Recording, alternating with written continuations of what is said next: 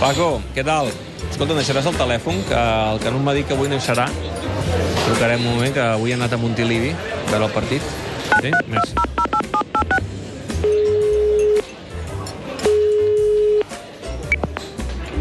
Canut, Hola, què tal, com estem? què tal, per on pares?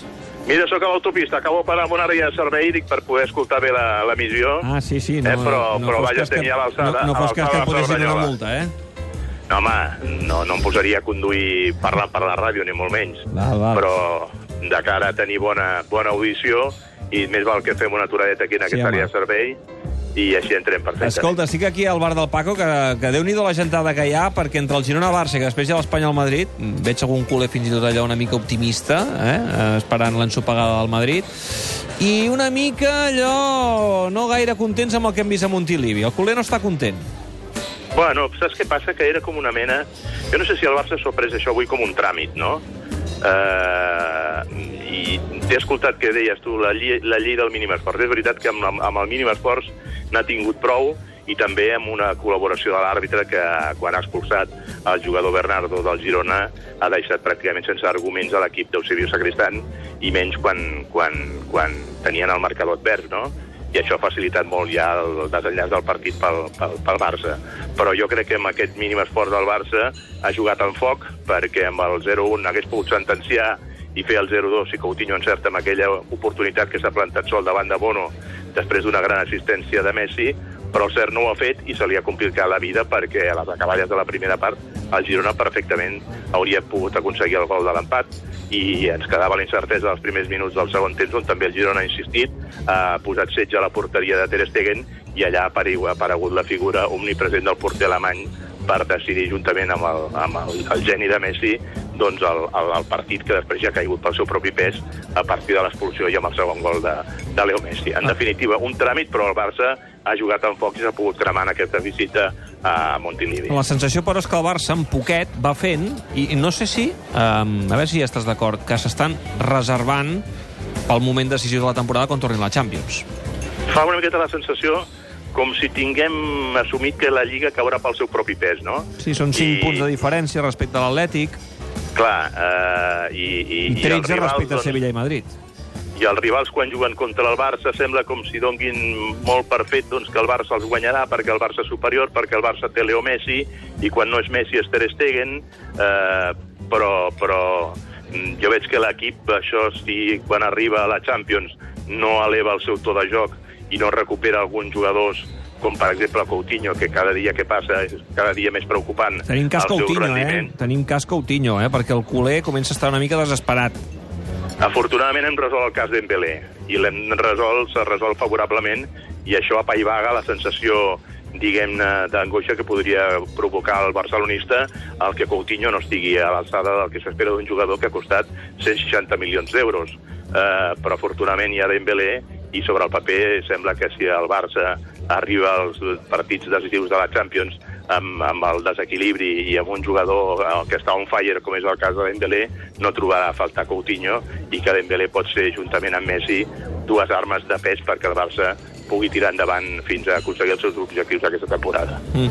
Ah, El Barça doncs, ferma a la Lliga, a Coutinho que no acaba de, de funcionar, però en canvi avui amb dos jugadors estel·lars, ara ho deies, Ter Stegen a la porteria i Messi de nou fent el que vol. Quan Messi el tens a l'equip, optes a tot, encara que el teu equip no rutlli.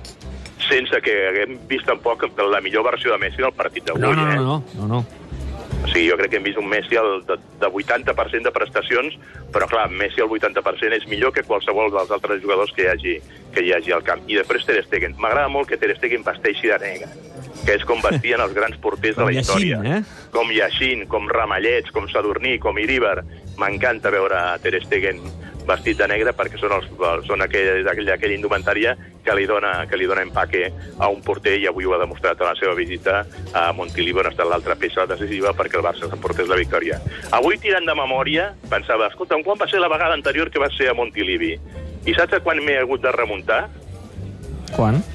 La vegada anterior que jo vaig ser a Montilivi. Ah, que tu vas ser a Montilivi. Pensava que deies, Sí, no, sí, vaig l'últim partit de Montilivi. Va ser la temporada passada. Que tu vas ser a Montilivi. Home, no ho sé. Però, però, però en aquell partit no hi vaig anar-hi. El del partit de, de la temporada passada no, no, no, no el vaig veure en directe. no Avui tinc, sí que, ho- no en tinc ni idea, sorprèn-me.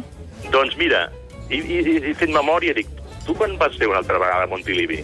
I va ser l'any 1979, el dia del debut de Hansi Krankel amb el Barça, en un torneig, eh, en un trofeu Ciutat de... De no, Costa Brava, que es deia el torneig que I, s'organitzava. I no hi havies tornat? No hi havia tornat, no hi havia tornat.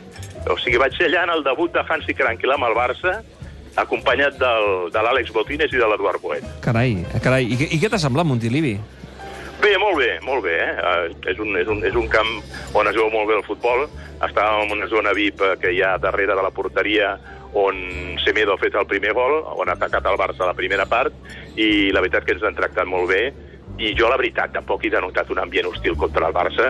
El que passa que la gent a Girona, en aquests moments, per una qüestió identitària, és del Girona per sobre del Barça. Normal. Però són, són una afició que durant molts anys, mentre el Girona no ha estat a primera divisió, el seu equip de, de preferència a la primera ha estat majoritàriament el Barça.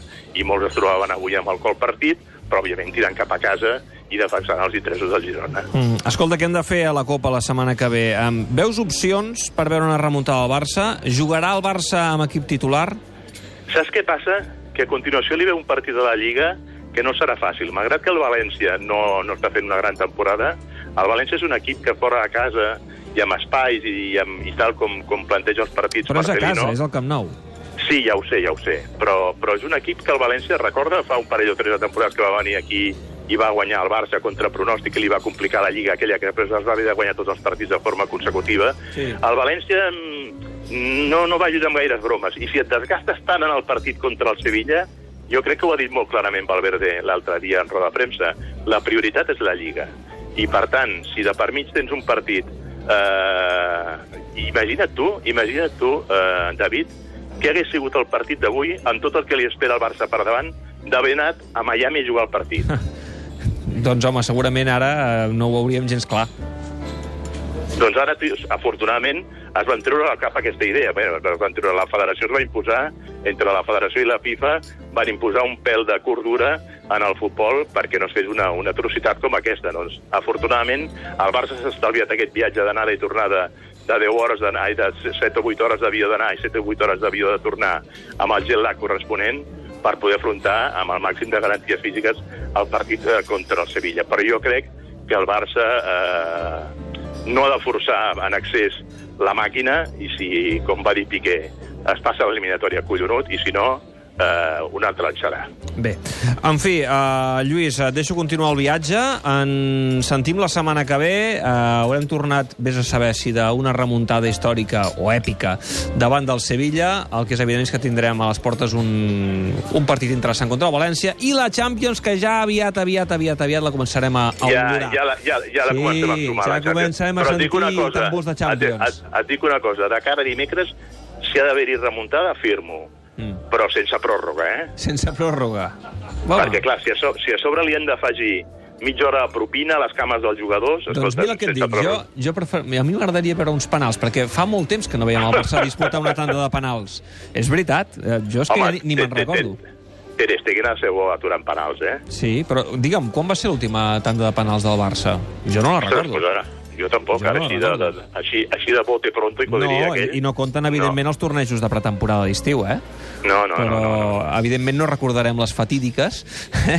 però... Parlo de La de Sevilla. Sevilla? Sí, no, No, no, però crec- vull dir que així recents jo, jo no recordo... Mira, sí, ara ara m'ho estan apuntant, aquí al bar, Sí? a la final de Copa contra el Mallorca, a Mestalla. És veritat, és veritat, Amb és veritat. amb Amb, amb, amb Hesp, amb Hesp d'heroi. Doncs estem I- parlant de l'any i- 96, potser. 98, 98. 98. 98. 98. Doncs imagina't Sí, sí. si fa temps. Doncs- Bé, no, no, doncs no, mira, no cridem al mal doncs- temps, eh? Que doncs passem mira, sense vi- tanda de vi- penals. vi- 21 anys. Eh, bona clientela té el Paco, eh, que Sí, ràpidament aquí hi ha hagut estan al algun cas, que s'han recordat, eh? Sí, el de la gabardina, el de la gabardina, saps? Aquell que se'n va estar totes. el de la Burberris? Correcte, correcte, Ah. correcte. Bueno, aquest, Lluís. aquest, aquest deu portar a la butxaca un dinàmico d'aquells. Te'n recordes allò del dinàmico, eh? Sí, correcte, aquella mena de aquell llibret, llibreteta, aquell eh? llibret Sí. allà que tu tenies la xuleta a tots els equips i tots els Tenies jugadors. tota doncs la deu portar, allà. deu portar a la butxaca el dinàmico i el guarda tret Sí, ara me aquí, l'ensenya, em diu que sí, que la té, Eh? eh que efectivament. sí, mira. Molt Dels bé. germans Tocino, que es deia la- l'editorial que, que feia el, el dinàmico. Eh? Sí, sí. Lluís, que vagi bé la tornada. Fins la setmana Vinga, que ve. moltes gràcies. Adéu. Una abraçada. Adéu, a cuidar-se. adéu, adéu, adéu. Adéu, adéu, adéu.